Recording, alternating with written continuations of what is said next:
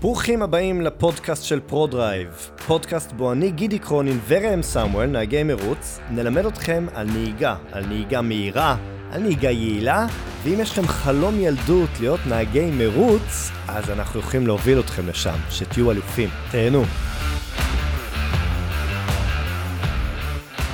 אה, ברוכים הבאים לעוד פרק אה, בפודקאסט של פרודרייב. אמ, היום אנחנו מדברים על תרגיל 10, הדרך להיות נהג יותר שלם, והיה מגניב אם, אם זה היה פרק 10, אבל אנחנו כבר הרבה אחרי פרק 10, ו- וטוב שכך. ואני רוצה לתת לכם היום את התרגיל מדד. זה תרגיל בנהיגה שהוא פשוט מושלם, הוא מאתגר ברמות אחרות, אבל בסופו של דבר, אם נהג מסוגל רק לבצע את התרגיל, אז זה בפני עצמו הישג מדהים. זה תרגיל שמתייחס לכל מה שקשור לטכניקה נכונה בנהיגה, הוא דורש מבט נכון, ובלימה מדויקת, וגז נכון, והגה טוב, אבל אה, כל האלמנטים האלו לא דרושים כדי להתחיל לתרגל את התרגיל, הם מיועדים כדי שתצליחו בצורה פנומנלית, ושבאמת תהיו אליפים עם ציונים גבוהים או תוצאות אה, גבוהות באתגר, אתם מיד תבינו מה אני מדבר. אבל האתגר האמיתי של התרגיל הוא עצם זה שאני מצליח אותה, וכל הצד המנטלי הנלמד בעניין. אז אמ, אנחנו נראה את התרגיל ונראה איך אנחנו יכולים לשפר אותה. אז אם אתם מדי פעם אוהבים לראות אה, מרוצים או מרוצי פורמולה אחת, אז לא מעט פעמים רואים מרוץ די משעמם. הנהג הכי מהיר הוא מקדימה, והוא לרוב למנצח, אין הרבה עקיפות.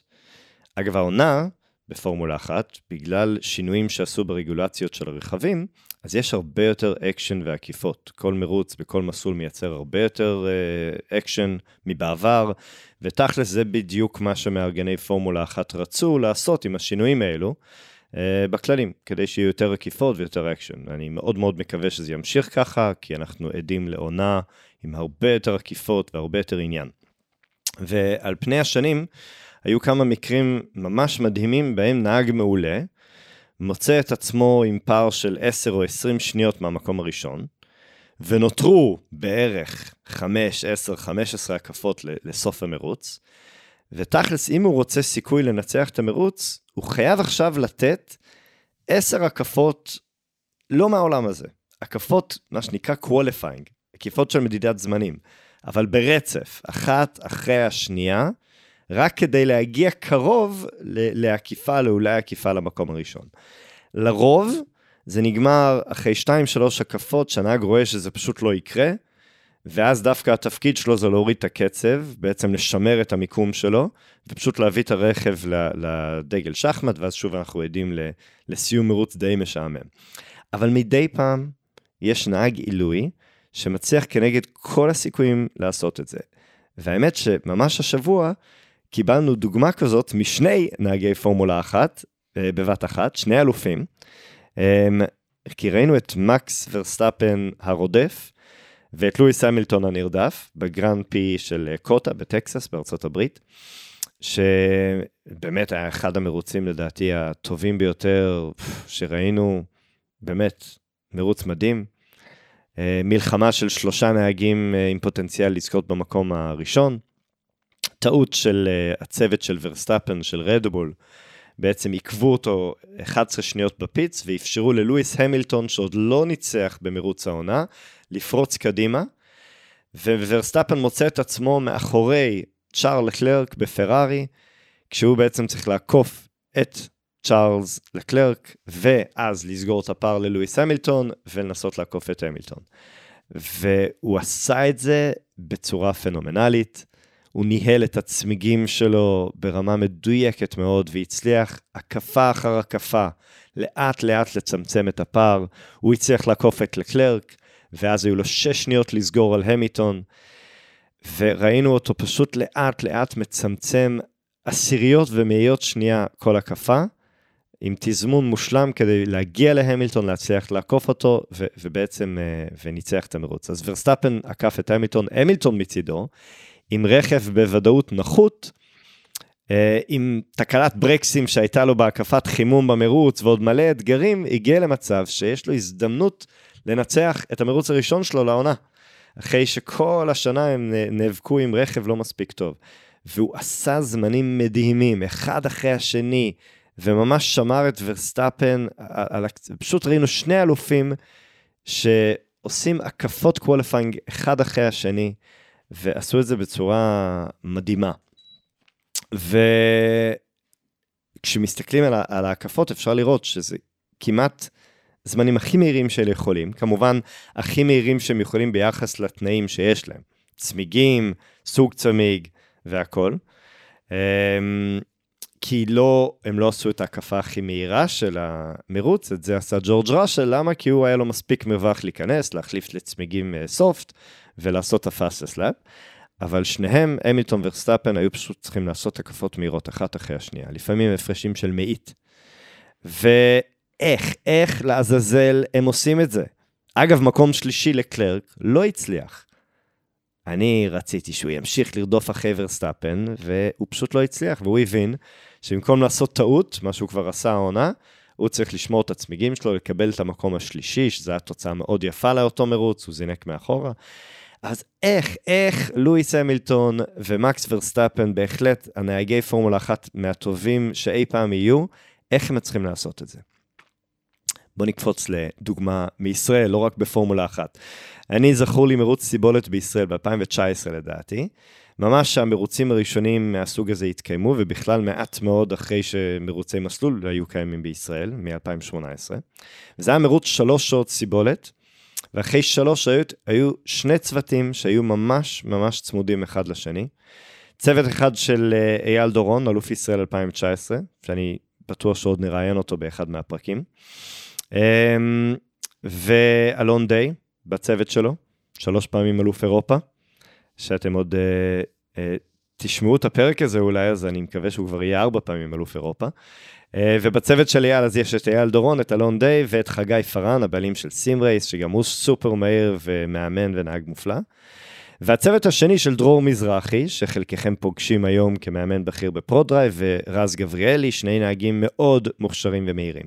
ובמשך שלוש שעות הנהגים מחויבים להחליף חמש פעמים נהג. זה אומר שאפשר להיכנס מוקדם יותר או מאוחר יותר, אבל בסופו של דבר, אחרי שלוש שעות, יש חובת עצירה של חמש פעמים. ולקראת סוף המרוץ הזה של השלוש שעות סיבולת, היה ברור שזה הולך להיות עניין של שניות בודדות בין שני הצוותים. והנהגים הבינו את זה טוב מאוד. כך שכל פעם ש, שנהג עלה, הוא ידע שהוא חייב לתת את המקסימום האפשרי שלו הקפה אחרי הקפה. והם עשו את זה.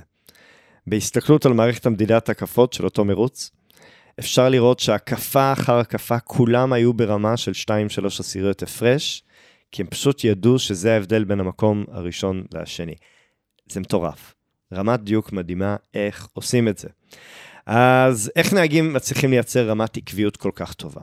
ברור שקצב כל כך גבוה, כמו בדוגמאות שנתתי, אז הכל צריך להיות הכי מדויק ונכון. אני לא יכול ללמוד תוך כדי קצב כזה, מה זה קווי נהיגה במסלול, או כמה מאוחר צריך לבלום. זאת אומרת, בשלב כזה, הנהג משחרר לגמרי את המוח ופשוט עושה את מה שהוא אמור לעשות, לנהוג, ומהר. וכל האנרגיה שלו מוקדשת לריכוז שקשה לתאר איך שזה מרגיש. אני יודע ש, שבפעמים בחיים שלי שנהגתי מהר, אבל מהר מאוד, אני לא שמתי לב לזה עד שסיימתי את קטע הנהיגה. ורק אז יכולתי לחשוב אחורה ולהגיד לעצמי, וואו, זה פשוט טסתי. אבל אם במהלך הנהיגה אני פתאום עוצר לחשוב אם אני מהיר או לא, אם אני יותר מהיר מאחרים או לא, ובום, הכל יכול לקרוס. אם אני לא מיד אחזור לריכוז. אז uh, עוד נדבר על העניין הזה של הריכוז בפרקים הבאים, אז אני אשאיר עוד כמה סיפורי ריכוז או חוסר ריכוז לפעם אחרת. נחזור לתרגיל שלנו. רמת הכניסה לתרגיל היא פשוטה, או יותר נכון, היא אמורה להיות פשוטה. אז להלן התרגיל. התרגיל הוא פשוט. אני עולה על מסלול, ואני חייב לבצע 10 הקפות ברצף על המסלול. כאשר כל הקפה היא יותר מהירה מקודמתה. זהו, הכי פשוט, נכון? האם זה קל? כנראה שלא. כי למרות שאני מסביר טוב טוב מה התרגיל, עדיין עד היום פחות מ-50% מהאנשים מצליחים בפעם הראשונה להצליח את התרגיל. למה? כי לרוב המוח מהר מדי הולך למטרה אחרת מהצלחת התרגיל. במקום להצליח את התרגיל ואז משם להתקדם, אנשים נוטים לרצות לנסוע הכי מהר שלהם. אז איך זה נראה? בהקפה הראשונה הנהג נוהג לאט, כי הוא אומר שאין מה למהר. ולרוב גם בהקפה השנייה הוא נוהג לאט, כי עדיין אין בעיה. ואז בהקפה השלישית, או גג ברביעית, הוא כבר מבצע הקפה הרבה יותר מהירה. כי הוא, הוא, הוא פתאום נבהל ואומר, אופס, אולי נסעתי מהר מדי בהקפה הקודמת. ומההקפה החמישית זה כבר מלחמה. כל הקפה הוא מנסה לנסוע הכי מהר שהוא יכול, ובערך בהקפה השישית או השביעית הוא כבר לא מצליח ונוסע לאט ונכשל. אז ה... אם הייתי עכשיו מפנטז על איך אידיאלית התרגיל הזה צריך להתבצע בצורה אופטימלית, שההקפה הראשונה אני אעשה לדוגמה ב-52.1 שניות, ואז בכל הקפה אני מוריד עשירית שנייה, עד שבהקפה האחרונה אני שובר את שיא המסלול שלי ויורד מ-51 שניות. זו הפנטזיה. אבל נחזור לרגע לכישלון התרגיל. בתרגיל אנחנו מגלים שאין לנו תחושת קצב מספיק טובה. אנחנו לא באמת יודעים להעריך את קצב הנהיגה שלנו, אנחנו לא עקביים מספיק, וגם שאין לנו תוכנית. אבל בעיקר שהמוח שלנו משחק איתנו משחקים. אנחנו נלחצים מהר מדי, וזה כמובן מוביל לכישלון בהצלחת התרגיל. אז אני מאתגר אתכם לעשות את התרגיל. אגב, אם אתם לא מצליחים להגיע למסלול מרוצים, אז אפשר גם לעשות את התרגיל בסימולטור. ודווקא קחו תוואי מסלול שאתם לא מכירים, וללא הנחות וללא ריסטארט ובלי זה, יש פשוט להתחיל. ותראו אם אתם יכולים לבצע עשר הקפות בקצב עולה מבלי לעוף החוצה. אם אתם במסלול, אבל יש יותר מדי, עכשיו, כאילו, זה הסימולטור, כן? אם אנחנו מדברים על מסלול מרוצים ויש יותר מדי רכבים, אז תנסו להקטין את התרגיל לחמש הקפות. ולנסות להכניס את ההקפות בין, ה, בין הרכבים למסלול. אין ספק שמסלול פנוי עוזר, או לפחות uh, שהנהגים איתך באותו קצב. Uh, אבל גם בחמש הקפות זה תרגיל מעולה, שאם מתחילים בתרגיל חמש ורואים שמצליחים אותו, אז אפשר לעלות לתרגיל עשר. Um, עכשיו, חלק מאוד חשוב, אוקיי? סופר חשוב. את כל הנהיגה וההקפות שאתם עושים, ללא עזרי מדידה. מה זאת אומרת? לא שיש לכם uh, מכשיר מול העיניים שאומר לכם אם אתם מצליחים או לא. זאת אומרת, אם יש לכם מכשיר מדידה, מעולה, זה חובה, אבל שימו אותו כדי שלא תוכלו לראות. אז מה, חשבתם שזה יהיה כזה פשוט? לא, ללא עזרים. כי אתם צריכים להתחיל להרגיש את הנהיגה שלכם, ולא כל הזמן להסתכל על הזמנים שלכם אונליין ולראות אם אתם מהירים או לא. גם בסימולטור, חבר'ה, תחברו את הפיצ'ר של הזמנים ופשוט תתמקדו בתרגיל. אל תחשבו על מהירות, תחשבו על עקביות, על שליטה, על נחת בנהיגה, על הנשימה שלכם, ולאט לאט תתחילו להרגיש יותר את הנהיגה שלכם. אני זוכר פעם לקראת אירוע אה, מיונים שארגנו, הייתי צריך לקבוע איזשהו זמן יעד כמדד. אה, ועליתי על רכב אחד, ועשיתי זמן מסוים. ואז עליתי עוד פעם על אותו רכב, ועשיתי זמן כמעט זהה ברמה של כמה אלפיות מהמדידה הקודמת. ואז אחד המאמנים שלנו אתגר אותי לעלות על רכב שונה ולעשות את אותו זמן. אז אמרתי, וואלה, אני חולה על אתגרים. עליתי ועשיתי זמן באותה עשירית כמו השתיים הקודמות. עכשיו, להרגיש את הקצב זה סופר חשוב. אם אני מרגיש את הקצב, אני יודע להגביר אותו או להוריד אותו ברמה של עשיריות שנייה. אמ, אז זה משהו שהוא מאוד חשוב. ללא עזרי מדידה, קחו את האתגר הזה והשלימו אותו. אוקיי? זאת אומרת שתצליחו לעשות את האתגר פעם ראשונה. ברגע שהשלמתם אותו, יש לכם נתון. לדוגמה, הצלחתם לנהוג 10 הקפות בקצב יורד בזמנים. ההקפה הראשונה הייתה לדוגמה דקה ו-40 שניות, וההקפה הכי מהירה, הקפה העשירית אם הצלחתם במשימה, היא 59 שניות. זה אומר שיש לכם 10 הקפות במקבץ של 41 שניות, ועכשיו יש לכם יעד ומטרה. עכשיו, תחשבו באיזה חלק של הפנייה אתם הכי פחות טובים. זה יכול להיות ביטחון בבלימה הראשונית, או אולי בהרפאיית הברקס מיד לאחר הבלימה הראשונית, או שאולי אתם לא מצליחים להישאר על הבלימה לתוך הסיבוב כי הורדתם יותר מדי מהירות. יכול להיות ששמתם לב שהמבט שלכם הוא נוראי, אה, או בכניסה או ביציאה, אבל אה, שאתם מסתכלים כל הזמן על השוליים. אולי אתם חוזרים חזק מדי לגז, או שאתם תזיתים על ההגה. תעברו על כל האלמנטים האלו בנהיגה, ותחשבו מה הכי חלש, ותקדישו זמן כדי לשפר את זה. בין אם זה באימון הבא עם מאמן, או בהקשבה לפרק הרלוונטי בפודקאסט שלנו כדי לקבל דיוק על נושא מסוים. ואחרי ששיפרתם את הנושא הכי חלש שלכם, תחזרו לתרגיל 10 ותראו מה קורה. ואתם תגלו שממקבץ של 41 אה, שניות, זה קל לרדת למקבץ של 30 שניות או, או 20 שניות. לרדת יותר מזה ידרוש יותר דיוק, בכל נקודה. ולאט לאט אתם תגיעו למצב שאתם מסוגלים לעשות את תרגיל 10 במקבץ של פחות משתי שניות, וזה כבר שם אתכם במגרש של הגדולים. אז בגלל שזה תרגיל כל כך טוב וכל כך מיוחד וכל כך קשה ומאתגר, אני רוצה שתאתגרו את עצמכם, אבל גם אותי. תשלחו לי את התוצאות שלכם, תשלחו לי בהודעות, במייל או בטלפון את התוצאה, כמה הקפות, מה המקבץ, אבל בעיקר מה שמתם לב, מה אתם צריכים לשפר. מה הפיל אתכם בצד המנטלי? מה הצלחתם ליישם שנתן לכם את ההצלחה? ויש לי תחושה שזה לא הפרק האחרון שיהיה בנושא הזה של תרגיל ה-10.